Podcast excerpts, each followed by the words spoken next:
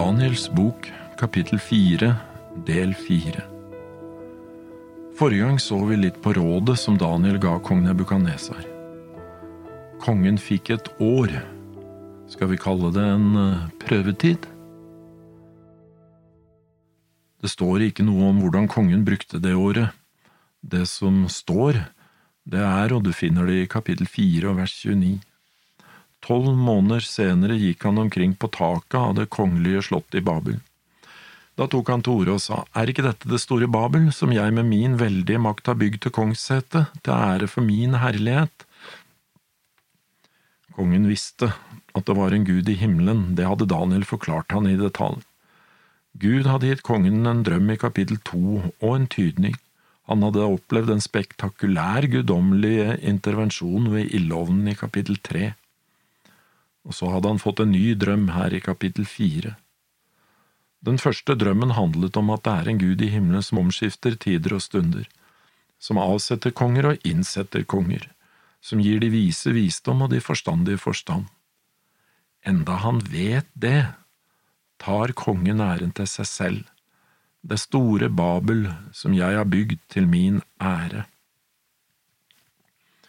Kongen demonstrerer sin uforstand og det er akkurat som om Gud trekker den forstand som han har gitt kongen tilbake. Kongen hadde ikke blitt av seg selv, han hadde sitt liv fra Gud, det var Gud som underholdt livet hans. Uten Gud blir kongens uforstand helt åpenbar. Før kongen ennå hadde talt ut, så kom det brått en røst fra himmelen. Kong Nebukadnesar, til deg lyder nå disse ord, riket er tatt fra deg. Nebukadnesar hadde ikke ønsket eller trodd på at det var Gud som innsatte og avsatte konger. Det var derfor han hadde fått laget gullstatuen i Daniel 3, og nå fikk han erfare det, riket ble tatt fra han. Fra menneskene blir du utstøtt, står det i vers 32, hos markens dyr skal din bolig være, og gress skal du ete som oksen. Sju tider skal gå framover deg, inntil du sanner at den høyeste har makt over kongedømmet blant menneskene, og gir det til den han vil. Inntil du sanner. Nebukadnesar hadde allerede flere ganger erkjent at Gud var mektig, men hver gang så var han blitt ydmyket av omstendighetene, før han så forherder seg. Akkurat slik som farao, kongen i Egypt, gjør det etter at plagene begynte å falle. Gud er utrolig tålmodig. Når han ser det er håp, kan han arbeide med deg og vente på deg i årevis. Han syr sammen omstendigheter i livene våre for å lede oss inn på freds vei, som det står. Vi leser fra Paulus sitt brev til romerne i kapittel tre og fra vers elleve. Det er ikke én som er forstandig. Det er ikke én som søker Gud. Alle er veket av, alle sammen er blitt udugelige. Det er ikke noen som gjør det gode, ikke en eneste. Deres strupe er en åpen grav, de bruker sin tunge til svik, ormegift er under deres lepper. Deres munn er full av forbannelse og bitterhet. Raske er deres føtter til å utøse blod, ødeleggelse og elendighet er på deres veier. Freds vei kjenner de ikke. Hvor mange forstandige var det? Ikke én. Det er alltid Gud som søker oss. Det er lignelsen som Jesus forteller i Lukas 15 om det tapte fåret, pengestykket og sønnene. Han leter til han finner det, og så gleder han seg over å ha funnet det tapte. Det er slik Gud er. Gud har vært utrolig tålmodig med meg, og det er han også med deg. Far til Johannes døperen sier i Lukas kapittel 1 fra vers 76, Og du, barn, skal kalles den høyestes profet, for du skal gå frem foran Herrens åsyn for å rydde hans veier, for å lære hans folk frelse å kjenne ved at deres synder blir forlatt, på grunn av vår Guds inderlige miskunnhet som lot soloppgangen fra det høye gjeste oss, for å lyse for dem som sitter i mørke og dødsskygge, for å styre våre føtter inn på fredens vei. For Gud er en nådig Gud. Han ønsker at alle mennesker skal bli frelst, også en hedens konge. Men han tvinger ingen. Det er vi som må velge å gi respons på kallet. I samme stund ble dette ordet fullbyrdet på Nebukadnesar. Han ble utstøtt fra menneskene og åt gress liksom oksene. Av himmelens dugg ble hans kropp vett inntil hans hår vokste og ble som ørnefjær, og neglene ble som fugleklør. Det er mye bedre å få en nedtur her i verden enn å miste det evige livet. Mange av de problemene vi i dag klager og sukker over, det kan hende at vi en dag takker Gud for det. Nebukadnesar gjør faktisk det. Står i vers 34, men da tiden var utløpt, løftet jeg Nebukadnesar mine øyne til himmelen og min forstand vendte tilbake. Jeg lovet den høyeste og priste og æret ham som lever i evighet. Hans herredømme er et evig herredømme, og hans rike varer fra slekt til slekt. Alle som bor på jorden er for ingenting å regne. Han gjør som han vil med himmelens hær og med dem som bor på jorden.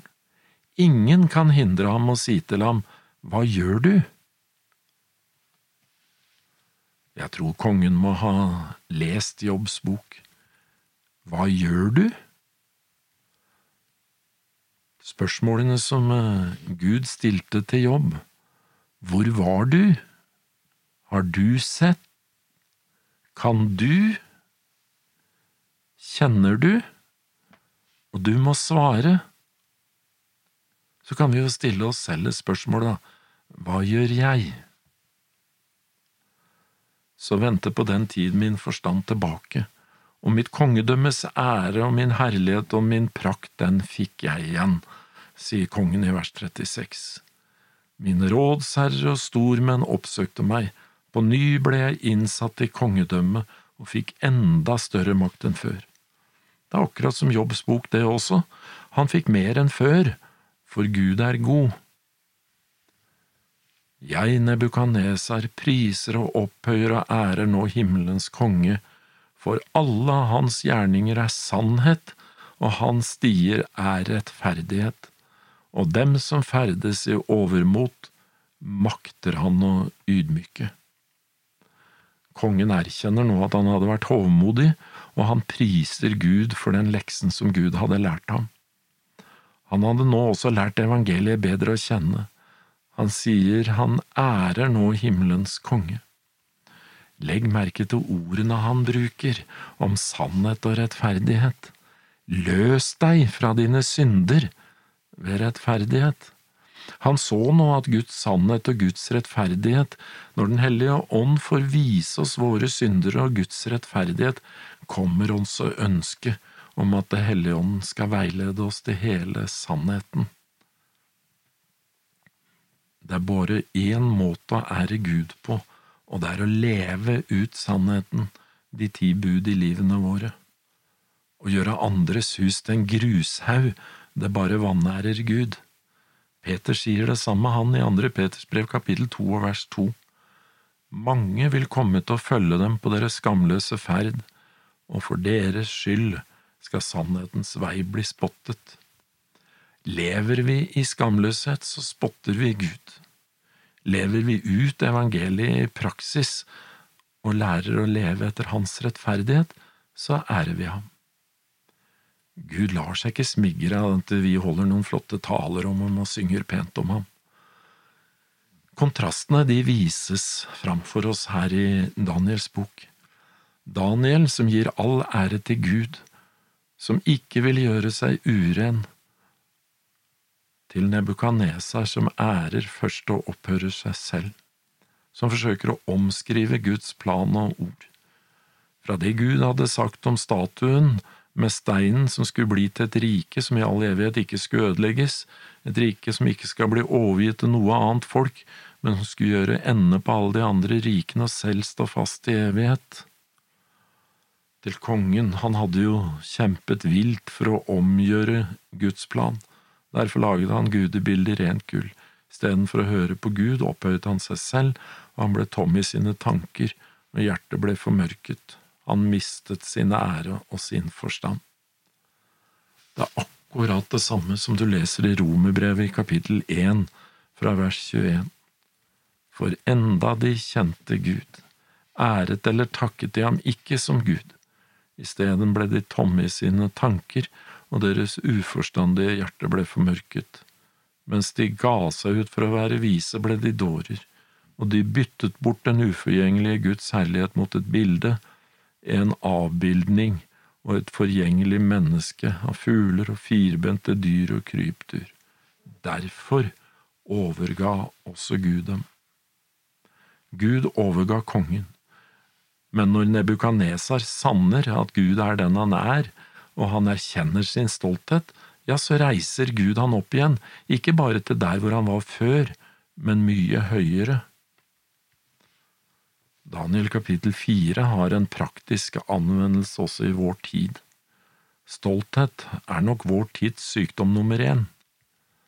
I andre Timotius kapittel tre fra vers én leser vi, Men dette skal du vite, at i de siste dager skal det komme vanskelige tider, for menneskene skal da være egenkjærlige, pengekjære, skrytende, overmodige, spottende, ulydige mot foreldre, utakknemlige, uten aktelse for det hellige uten naturlig kjærlighet, uforsonlig, baktalende, umåtelige, voldsomme, uten kjærlighet til det gode, svikefulle, oppfarende, oppblåste, slike som elsker sine lyster høyere enn Gud.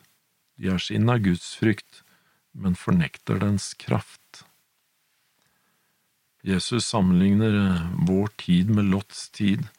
Esekiel kapittel 16 og vers 49 så står det om den tiden, se, dette er Sodomas, din søsters misgjerning, overmot. På engelsk er det oversatt med pride, altså stolthet, overflod av brød, osv. Men hvordan er det med dagens konger? Er de stolte? Forsøker de å gjøre om på det Gud har sagt? Les Bibelen din. Gud har forutsagt hva som skal skje i de siste dager, akkurat som han gjennom Daniel åpenbarer noe om det til kongen. Men akkurat som kongen ikke liker det Gud har sagt, så liker heller ikke mennesket det Gud sier, og setter noe annet isteden. Guds skapermakt fornektes. Det er ikke hva Gud kan, men hva mennesket kan, som blir viktig. Er ikke dette det store Babylon som jeg har bygd, det ære for min herlighet? Det står i Bibelen at Gud står den stolte imot. Hvorfor gjør han det? Hater Gud stolte mennesker? Nei, jeg tror ikke han gjør det. Historien her i Daniel 4 viser oss det klart og tydelig. Gud hater ikke kongen. Tvert imot, han arbeider for å frelse han. I Romerne 5,8 står det at Gud viser sin kjærlighet til oss ved at Kristus døde for oss mens vi ennå var syndere. Den stolte er ikke noe unntak. Problemet er at stoltheten ikke ser sitt behov for hjelp, men stenger veien for eh, en erkjennelse. Og uten erkjennelse kan ikke Gud gjøre så mye, for da vil han måtte tvinge gjennom det han vil, og det gjør ikke Gud. Men den ydmyke gir han nåde, står det, fordi ydmykhet har en erkjennelse av sitt behov. Så rådsmøtet i himmelen, da, i vokternes råd, det viser oss jo at Gud bryr seg. Det viser oss at himmelen arbeider for å hjelpe oss på vei til en selverkjennelse, til å bli ydmyke, slik at vi kan innse vårt behov og be om hjelp. I Lukas kapittel 18 fra vers 10 så forteller Jesus om to menn som gikk opp til tempelet for å be. Den ene var en fariseer og den andre en toller.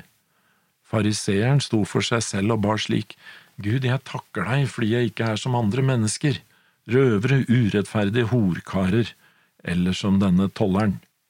Jeg faster to ganger i uken, og jeg gir tiende av alt jeg tjener. Ut fra det vi leser, så kan vi anta at det var en veldig stolt person. Han trengte ikke noe hjelp, han bare skryter av seg selv. Han er som kongen, Er ikke dette det store Babylon jeg har bygd? I vers 13 så står det at tolleren sto langt borte. Han ville ikke engang løfte øynene mot himmelen, men han slo seg for sitt bryst og sa, Gud vær meg synder nådig. Han innså sitt behov, han trengte Guds hjelp, og legg merke til det Jesus sier, tolleren gikk rettferdiggjort hjem til sitt hus, ikke den andre. For hver den som seg selv opphøyer, skal fornedres, men den som fornedrer seg selv, skal opphøyes. Før eller siden så vil den som opphøyer seg selv, bli fornedret. Konge, la derfor mitt råd være deg til behag. Løs deg fra dine synder. Gud eh, løste kongen og Gud opphøyde kongen. Han fikk sin forstand tilbake, han fikk kongetronen, dens ære, prakt og herlighet. Men han fikk noe mer. Kongen fikk innsikt i evige verdier. Jeg tror han fikk et nært forhold til himmelens og jordens skaper. Vi tar nå farvel med Nebukadnesar. Historien den fikk en god slutt. Kongen lærte Gud å kjenne.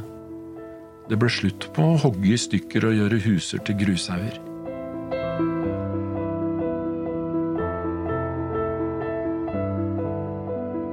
Neste gang så skal vi se på kapittel fem om Belsasar sitt gjestebud.